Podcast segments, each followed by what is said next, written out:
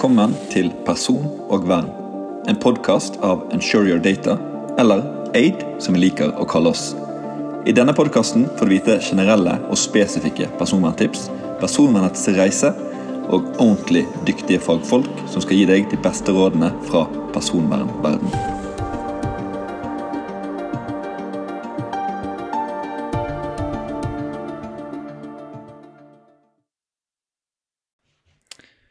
Velkommen til podkasten Person og venn. Vi har med oss Ida Torsrud i dag. Det er da en seniorrådgiver i Sopra Steria, fagansvarlig for informasjonssikkerhet og personvern. Velkommen til deg.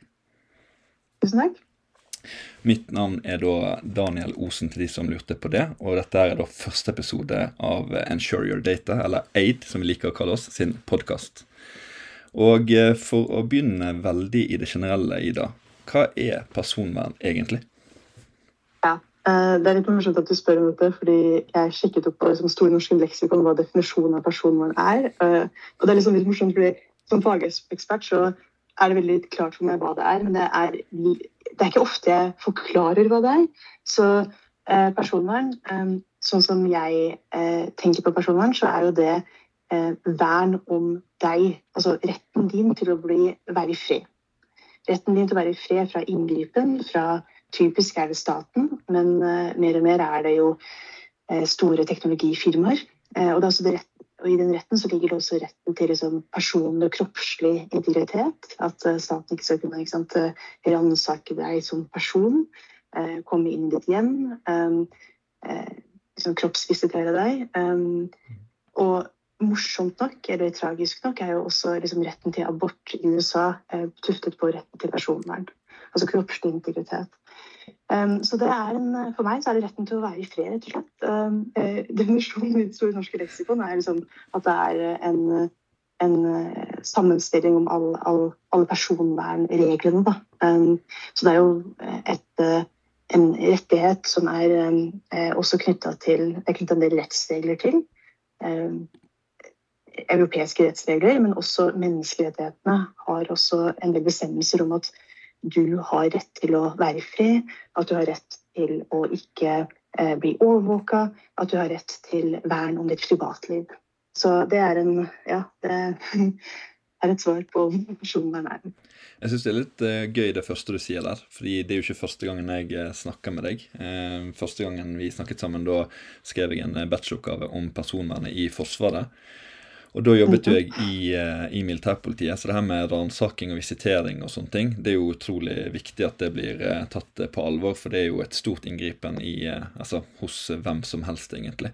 Så jeg syns det er kult at du dro den analogien der, da. Ja, det er jo Altså, det handler jo om at disse reglene er ganske gamle regler som vi i Europa har hatt veldig lenge. Altså, eh, Vernet mot ransakelse er jo eh, grunnlovfesta, og det er også den, en stor del av liksom, personvernet vårt.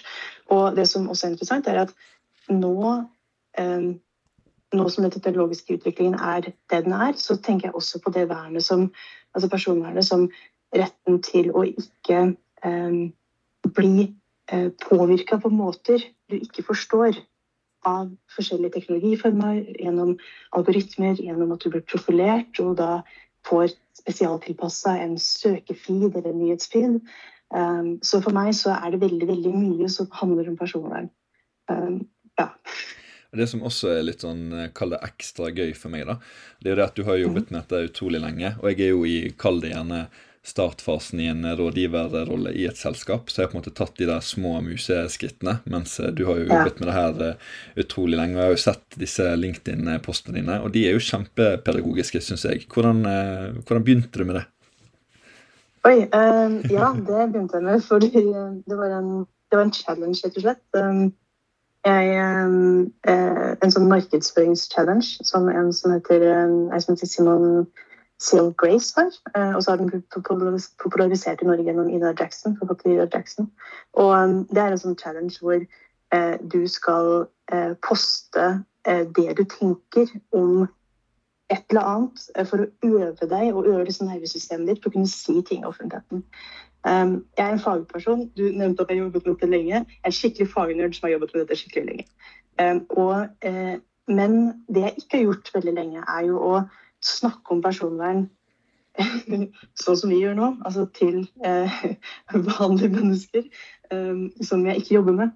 Eh, og eh, i, i, fjor vår så ble jeg kontakta av en journalist som spurte om jeg ville uttale meg som fagekspert. Syns det er veldig vanskelig å kalle meg selv fagekspert, men, men, det er jo det som, som blir kalt når vi uttaler oss som faget vårt. Um, og det er jo, ja. Og det var skummelt å måtte si noe om faget mitt offentlig, så da skjønte jeg bare at da må jeg bare begynne å gjøre det.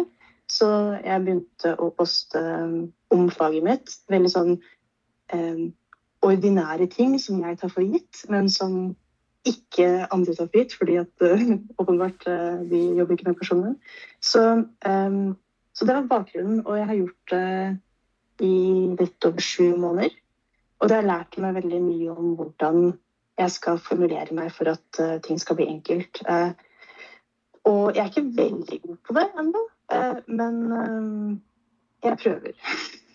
Ja, for jeg har jo mange venner og venninner og ja, familiemedlemmer da, som ikke kan så mye om det. Um, mm. Og jeg liker jo gjerne å dele hvis jeg ser at det er noe som er lett å fordøye og ja, er på en måte kortfattet eller litt bilder. Og du, du har jo ofte litt sånne memes på disse eh, LinkedIn-postene. Jeg syns jo det er kjempemorsomt. Uh, så når jeg sender det videre, så merker jeg også at mottakeren setter pris på det. At det ikke blir så, ja. så, så fagtungt. Men, men hvorfor, er det, hvorfor, er det, egentlig viktig å opplyse om personer? Hvorfor er personer personvern er viktig? Personvern er viktig fordi at det um, er retten til å være i fred, retten til å uh, utvikle deg som menneske uten um, påvirkning på måter du ikke skjønner, eller om påvirkning i, i visse retninger, uh, er helt grunnleggende for at du skal kunne være du. For at du skal kunne bli den du har lyst til å bli. Um, og det, uh, det er så, så, for meg så er det sånn eh, Du hadde ikke vært den du er om du ikke hadde hatt personvern. Eh, for da hadde du blitt påvirket på en måte som, eh, som, som kanskje er litt vanskelig å, å forutse. Eh, det er jo andre land hvor hvor, hvor, staten har en mye mer eh, dominerende rolle. Eh, hvor det, folk ikke får utvikle seg fra. Hvor ikke folk får utvikle de politiske meningene de ønsker. Eh, og så er det liksom gang på gang de folka som, som historisk og eh, kulturelt har blitt eh, har hatt det vanskelig med å liksom være det de er. Det er jo folk som tilhører minoriteter, som sant, seksuelle minoriteter, etniske minoriteter, eh, politiske minoriteter osv. Så, videre. så det er sånn Det er så utrolig viktig å ha personer, for hvis ikke så vil ikke eh, så vil du bli så vil ikke du kunne være du, rett og slett. Mm. Jeg har jo sett uh, i den NOU-en som har kommet ut. Den har blitt diskutert uh, frem og tilbake igjen. Uh, og jeg ser jo der at barnspersonen personvern har bl.a. fått en stor spalte der. da. Også noen triste historier som bl.a. har blitt delt der. Alt fra annonsering i skolen osv. osv. Um. Hva er det som egentlig er så spesielt med, med barn sitt personvern? Altså, hva, hva, hva er greien med det? Ja, barn er jo hva skal jeg si, eh, ikke fullt kognitivt utvikla. så eh, barn eh, Og det, ja, eh, faktisk er jo ikke ordentlig sånn Hjernen er ikke fullstendig utviklet før vi er liksom 25. Um, så det sier liksom litt om ja, Men det er en annen diskusjon. Um, grunnen til at barn må være litt spesielt, altså, er jo fordi at barn er, er, er ikke i stand til å ta egne personvernvalg, rett og slett. Um, og da må vi som samfunn ta de valgene på, på, deres vegne inntil barn kan bli såpass store, såpass voksne at de kan begynne å ta de valgene selv. Um, så eh, etter, I personvernretten så sier vi at barn er en såpass sårbar gruppe. Så det er egne liksom, krav til at når du behandler barn sine personopplysninger, så må du passe på at du gjør det um, eh, korrekt. Og du må eh, informere på en måte som barn kan forstå. Eh, det er, eh, ja, det er alltid eh, mye strengere når du skal behandle barn som personopplysninger. Og det sant, går tilbake til det jeg sa om at barn kan ikke ta de valgene selv. Så da må vi gjøre det for dem. Og vi må sørge for at Og det, og det er også sørge for at de blir behandlet på en måte som gjør at i fremtiden så vil den behandlingen være grei. Fordi det er vanskelig å vurdere konsekvensen av en behandling av eh, et barn når det er så lite. Altså, senest i dag så ser vi jo at eh, Jeg husker ikke om det er i dag, eller at på debatten så tas det opp at eh, barna som har vokst opp med foreldre som har vært på sosiale medier mens de barna har vært eh, unge, eh, har nå eh, reagerer nå på de barnebildene som foreldre har lagt ut. Og det visste vi at kom. ikke sant? Vi visste at den type deling ville eh, bli problematisk. fordi at nå har vi ikke bare liksom, det familiealbumet som eh, foreldrene liksom drar fram og skal vise til kjæresten din, men nå kan du finne alle de bildene på Facebook eller på Insta. kanskje mest sannsynlig er Facebook siden Facebook er eldst. Men så, sånn at, og poenget er at det er en del konsekvenser med hvordan vi behandler personopplysninger, hvordan vi deler personopplysninger, som det er vanskelig å forutse når vi deler om folk som er så unge som barn. Uh, og du nevnte skole. Uh, det er jo veldig um, lett å se for seg at du kan følge et barns utvikling i hvordan de gjør det på skolen, over veldig lang tid.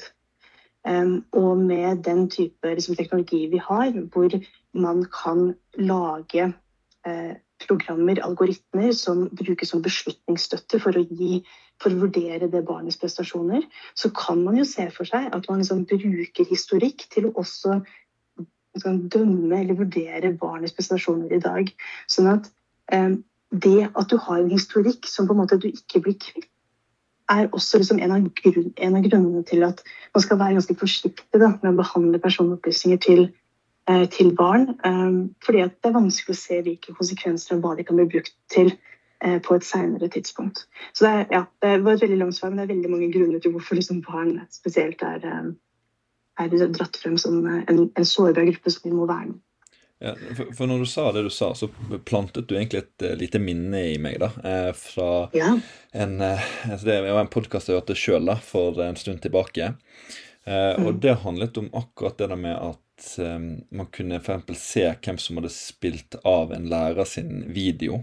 Og da mm. var det en Jeg må huske riktig, det var en elev da, som sa til faren sin at hun, hun syntes det var litt skummelt å se en video flere ganger, for da ville hun tro at læreren trodde at hun var dum, da, fordi at hun måtte se læringsmaterialet eh, flere ganger. Så det var på en måte den ene siden. Og så var den andre mm. siden et litt sånn annet interessant perspektiv.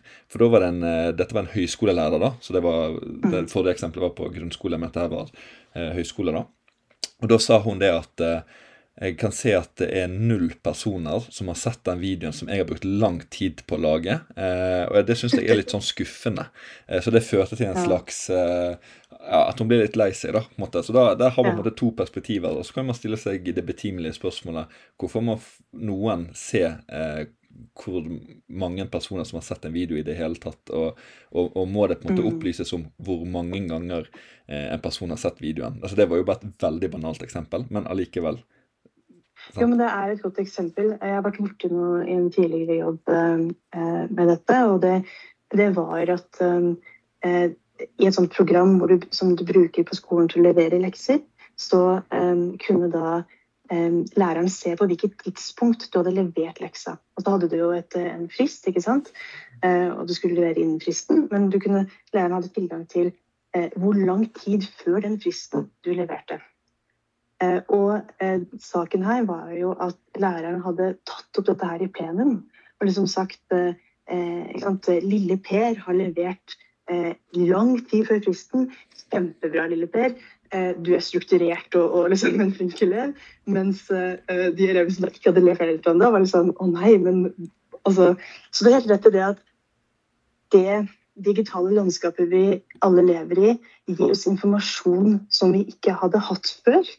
Um, fordi altså, Nå begynner det å bli lenge siden jeg gikk på bord, men da jeg hadde innleveringer, så var det sånn Du kom på skolen på den dagen hvor fristen var, og så leverte du fysisk inn det du skulle levere.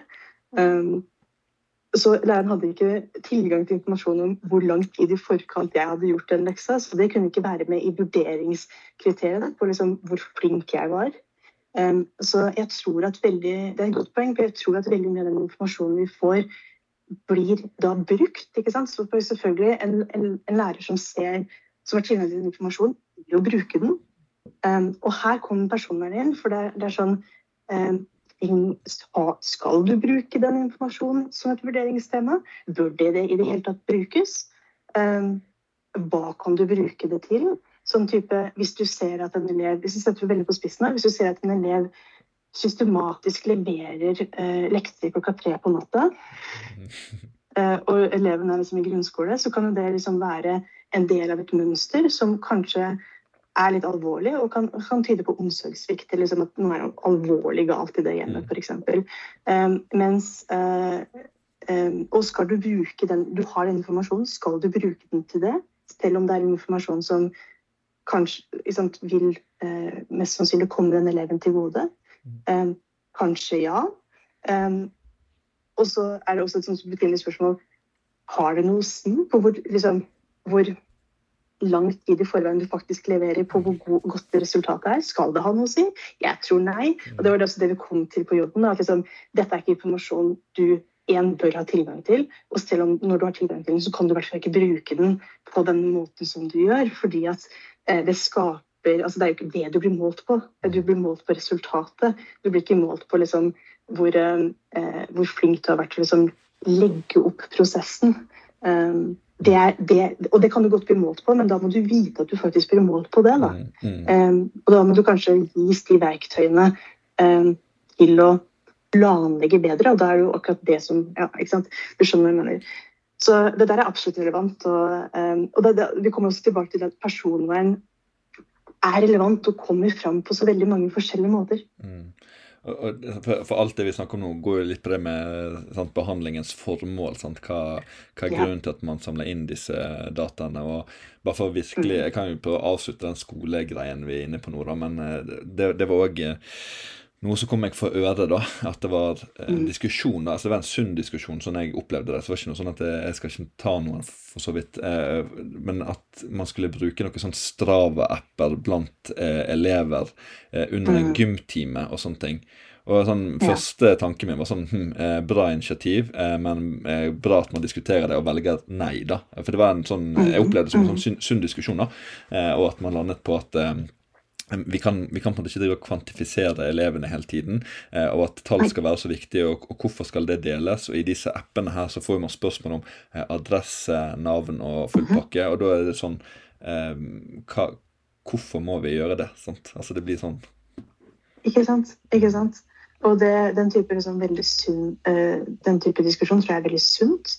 Um, og uh, og det er jo akkurat det du trenger å gjøre. At du trenger et bevisst forhold til hvorfor eh, og hva er det du egentlig Så hva er formålet med behandlingen? Hva er behovet ditt for å gjøre det du gjør nå? Um, og jeg syns det er en veldig fin og, og, sunn ting å falle ned på. At eh, det er ikke sikkert du trenger å måle alle de tallene. Um, ja. Um, jeg er jo Altså, jeg er personvernjurist. Det er åpenbart at jeg er veldig langt ute på et spekter eh, når det gjelder liksom å ville bli lagt være i fred. Så det, må, det sier jeg også til, til, deg som hører på, at liksom, um, gjør det opp din egen mening og ta min mening med en klype salt også, og vite at jeg er ganske langt ute på spekteret, da. Mm. Ja, det er litt sånn fint å være bevisst på. at Man er jo Eh, ja, langt ute på eh, normalfordelingskurven, og hvor opptatt man er. og det er sånn som Telefonen min er jo helt og oppfører seg merkelig, for når man har skrudd av alle disse innstillingene, og annonse, ja. annonseblokkering, lokasjonsdata er stengt, så vil han oppføre ja. seg litt annerledes også. ikke sant? Eh, minner meg om en ferie jeg hadde for noen år siden, og så var det sånn Får du opp dette her? Jeg bare nei, fikk ikke opp noen ting. nei, nei, nei. så det, det, det, er litt sånn viktig, det du, det du nevner der. Eh, ja. For å trekke oss over til noe annet, da, så tenkte jeg litt på, sånn, eh, ja, litt på næringslivet. da. Og der òg mhm. eh, hadde noe i baktankene som jeg ville spørre deg om. For jeg kjenner jo ganske mange ledere, det tror jeg du også gjør. Mhm. Og til de som lytter, da, som enten er leder eller kjenner noen som har ansvar for ja, personer i en virksomhet eller i en bedrift, selskap, eh, er det noe de må følge ekstra godt med på fremover? Eller hva er det som er viktig for en virksomhet eller ja, leder, eller ja. Um, ja, altså det spørs jo helt hva du har ansvar for. Men jeg pleier å liksom si, er at um, uh, hvis du tror at du ikke behandler personopplysninger, så er det mest sannsynlig feil. For det gjør du. Uh, har du ansatte, så er det behandling av personopplysninger. Um, det er veldig ordinære behandlinger av personopplysninger, og alle virksomheter som har ansatte, gjør det.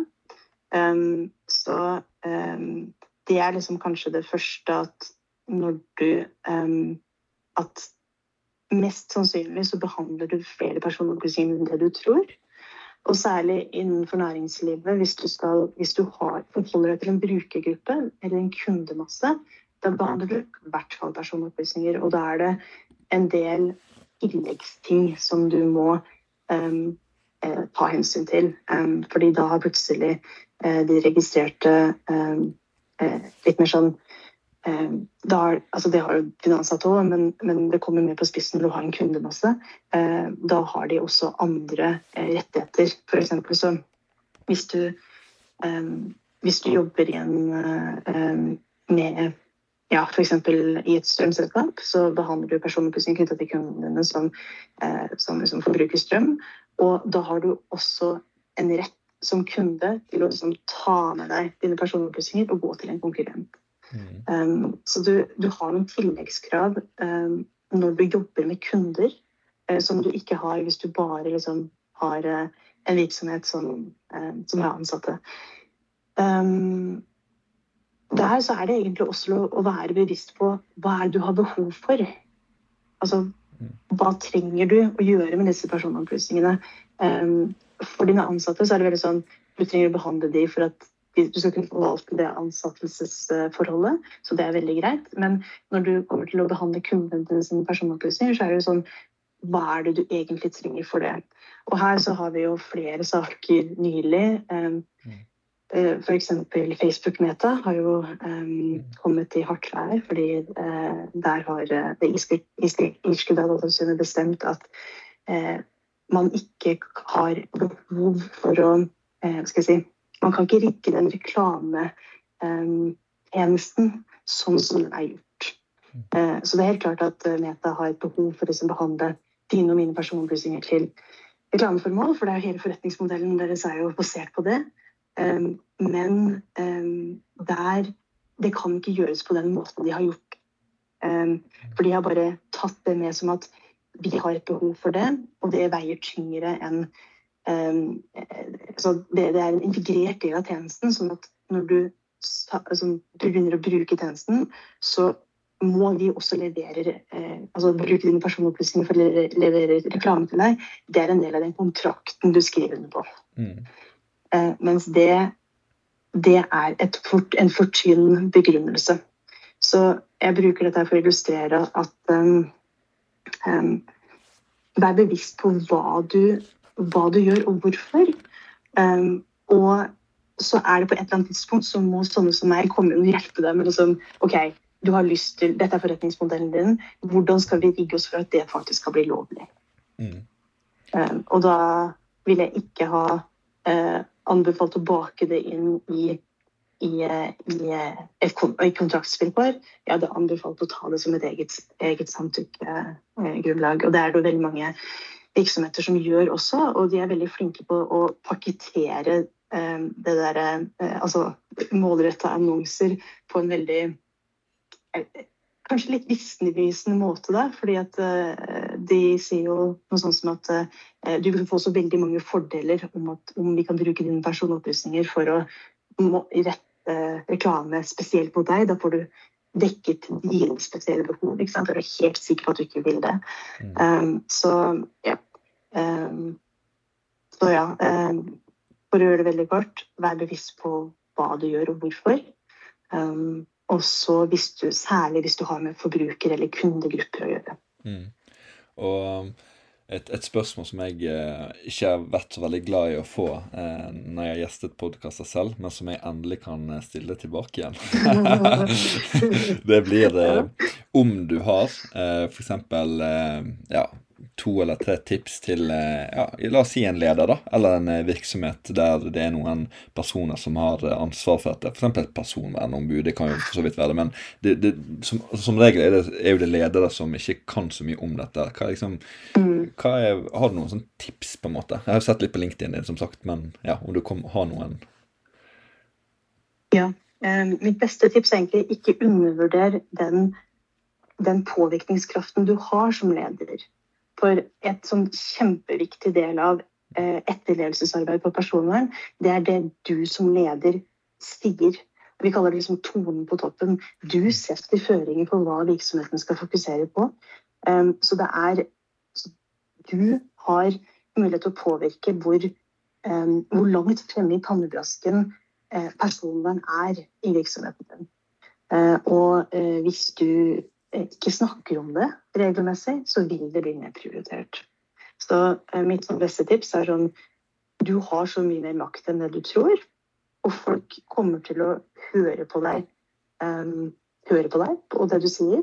Og de styringssignalene du, du setter ved å prate om dette her, å, å sette liksom, igjen det jeg kaller tonen på toppen um, Ikke undervurder det. Mm. Jeg syns det var veldig fint, uh, fint tips, jeg. Uh, og ja, altså det er jo sånn som du sier, at det er jo stor påvirkningskraft, og at man ikke må, må undervurdere det. og det bringer meg over til noe annet igjen, da, noe sånn avslutningsvis her. Og det er det at personhverdagen, den er jo rundt hjørnet. Er det vits med en egen personhverdag, og hva er egentlig personverndagen? personverndagen. Så helt konkret er det 28. 28. januar. Um, så vi har jo personvernmåneden som er januar, ikke sant? så har vi sikkerhetsmåneden som er i oktober. Um, er det nødvendig med en personverndag? Uh, ja uh, Altså, jeg må jo si ja, for jeg driver med personvern, føler jeg. Um, uh, men sånn som den brukes, er jo liksom å markere at dette er en greie for folk som ikke vet det. Så, sånn sett så er det en fin sånn bevisstgjøring at sant, personvern er noe som påvirker oss alle.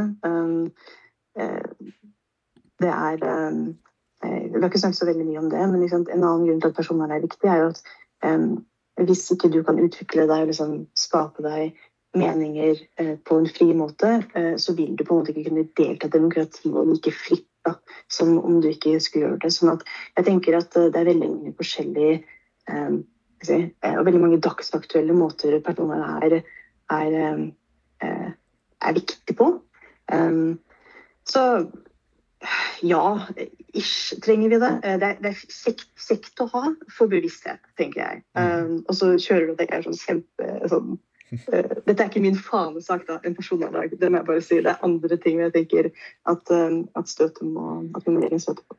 Det minner meg litt om uh noe helt annet igjen. Og det, det, er jo det som de sier med sånn som med trening og disse personene som uh, kommer uh, eh, 1.1 for å løpe på, på nullen mm. og sånne ting. Så er det noe som heter at det er ikke så Altså, det, det er jo det du gjør mellom eh, altså nyttår til jul ja. som er viktig, og ikke, ikke det som er mellom jul og nyttår. Og sånn som eh, du, ja. du, arbeider, da. Det er jo veldig høy kontinuitet. Nå sa du at det var på en måte kun syv måneder på den LinkedIn-biten, men så vet du jeg at du jobber med personvern hver eneste bidige dag. Eh, så det er, ja, det er, bare det synlige som eh, altså, har kommet ut for folk flest nå i de syv månedene. Men eh, det er nettopp den kontinuiteten og etterlevelsen som du, som du nevner, da, som er, som er det viktige. Og ja. Hva er, det, hva er, det, de heter, på en måte, de personene i et selskap eh, som jobber med personvern, og, og hva gjør de egentlig? Um, du har uh, altså, Veldig mange virksomheter må ha personvernombud. Og personvernombudet det er en person som har uh, en sånn rådgivende funksjon og en kontrollfunksjon. Et sammenligningsgrunnlag er egentlig at det er vedkommende opererer litt som Datatilsynet inni virksomheten men vil nok eh, være mer på rådgivningssiden enn på kontrollsida. Um, og tanken med personvernombud er at det skal være um, objektivt og selvstendig og skal ikke kunne instrueres i hvordan de gjør jobben sin. Um, og de har også et vern mot uh, gjengjeldelse, sånn at uh, du kan ikke bli sparka eller, eller, eller, få andre sånn, kjipe, kjipe, konsekvenser av arbeidsgiver hvis du gir et råd som arbeidsgiver ikke er enig i. Eh, og så vet jeg vi har jobba som personvernombud før, og eh, personvernombud jeg kjenner, at eh, rådgivningsbiten er den, er den, største. Og man kontrollerer i liten grad. Um, og det gjør man nok fordi at um, veldig mange virksomheter har ikke hatt personvernombud så lenge. Altså, man, det kom nye regler i 2018 som gjorde at veldig mange måtte, måtte ha det. Og så har man ikke hatt det lenge nok til at man har fått veldig god kontroll på kontrollfunksjonen. Um, det er i hvert fall min påstand. Det er i hvert fall det jeg ser. Det kan hende at andre har andre erfaringer, og det hadde vært skikkelig gøy å få innsikt i. Um, så, ja, så det er personvernombudet. Um, både en kontrollerende og en rådgivende eh, rolle. Um, og så er det gjerne ligger det gjerne oppgaver hos veldig mange andre. Altså, hvis du har ansvaret for et forretningsområde i en virksomhet, så har du nok ansvaret for den delen av eh, det som kalles behandlingsprotokollen, som er oversikt over alle behandlinger og personopplysninger du gjør, som handler om det forretningsområdet. Så den må du holde oppdatert. Um, det er også grenseflater mot IT-sikkerhet og, og uh, Chief Information Security Officer, CISO. Mm. Um, du har gjerne en, en, uh, juridisk avdeling, legal, som også driver med uh, compliance-aktiviteter og etterlevelsesaktiviteter. Ehm, så du har liksom veldig mange eh, forskjellige eh, roller som også har personvern, altså personvernoppgaver. Mm. Og så er det jo også, må jeg også si at den som har ansvaret for personvern sånn helt, helt til sist, er jo virksomhetens leder. Mm. Det er virksomhetens leder som formelt har den der behandlingsansvaret, som vi sier det. Altså den som er ansvarlig for, for personvernet i virksomheten. For å, for å, overholde alle disse reglene. Så ja. Mm. Og selv føler jeg meg veldig privilegert som får lov til å jobbe med både eh, veiledere og kunder i bedriften og sånne frequently asked questions og egentlig masse gøy. Blant annet denne podkasten her, da. Ja. Uh, og helt til slutt, en sånn uh, Kall det gjerne en gøy visualiseringsøvelse. Hvis du kunne ha styrt uh, si, personvernsverden, hvordan ville din, ditt drømmescenario vært? Oh, det hadde vært at alle personvernombud hadde hatt den støtten de trenger for å gjøre jobben sin. Fordi at den jobben er veldig, veldig ensom. Så det Jeg vet ikke hvordan det ville sett ut, men at de har tilgang på et fagmiljø som de kan diskutere kjipe saker i. Få den uh, liksom, støtten der i å måtte si nei til ting. fordi at det å si nei til ting er, uh, gjør deg veldig upopulær i virksomheten. Men noen ganger så må du det. Og så er det det å få støtte til å liksom, gjøre de vanskelige avklaringene. som ok, her vil jeg ikke si nei, men vi kan ikke gjøre det på den måten som er foreslått. Hva gjør vi egentlig da? Sånn at uh, Ja, så det det er eh, ja. Mm. ja for, for, planen med spørsmålet var å sette litt uh, ut, uh, litt av pinnen, men jeg merket at dette er noe du har tenkt på, så det var jo litt kjekt. Ja, ja. Altså, du var jo inne på det at uh, jeg jobber med personvern hver dag, og det er ikke det er ikke en underdrivelse. Jeg har et veldig lite liv utenom, utenom denne personen. Altså. det høres litt trist ut, men det er noe jeg tenker på liksom, ja, det er noe jeg tenker på hver dag. Men du er jo personvernombud. Det som jeg har sagt her, treffer det deg? Liksom? Er det, er det Ja. Um, for du jobber som personvernombud, ikke sant? Nei, rådgiver. Um, okay, så, ja, ja. Så, men uh, ja, altså, ja, vi får nå se hvordan det blir det år. Men uh, veldig heldig som er i et sånt uh, miljø, og du er jo i et enda større miljø da, i Supersteria. Og jeg har jo snakket med kollegaene dine, tidligere, da. Og ja, mm, virker mm. som at dere gjør en helt fantastisk jobb og ja, følger nøye med hva dere publiserer. Og jeg bruker jo ofte um, selv om Datatilsynet er en sånn såkalt hovedkilde, eh, så er det også masse annet og mange andre som har mye å komme med. Eh, og som også kanskje blir gjester senere i denne eh, podkasten her, da. Så mm. mm. Ja. ja. Det har vært veldig fint. Um, ja. Så jeg tenker vi bare runder av der. tusen takk for at mm. du ville komme her, Ida. Takk for at jeg fikk komme. Det var veldig koselig.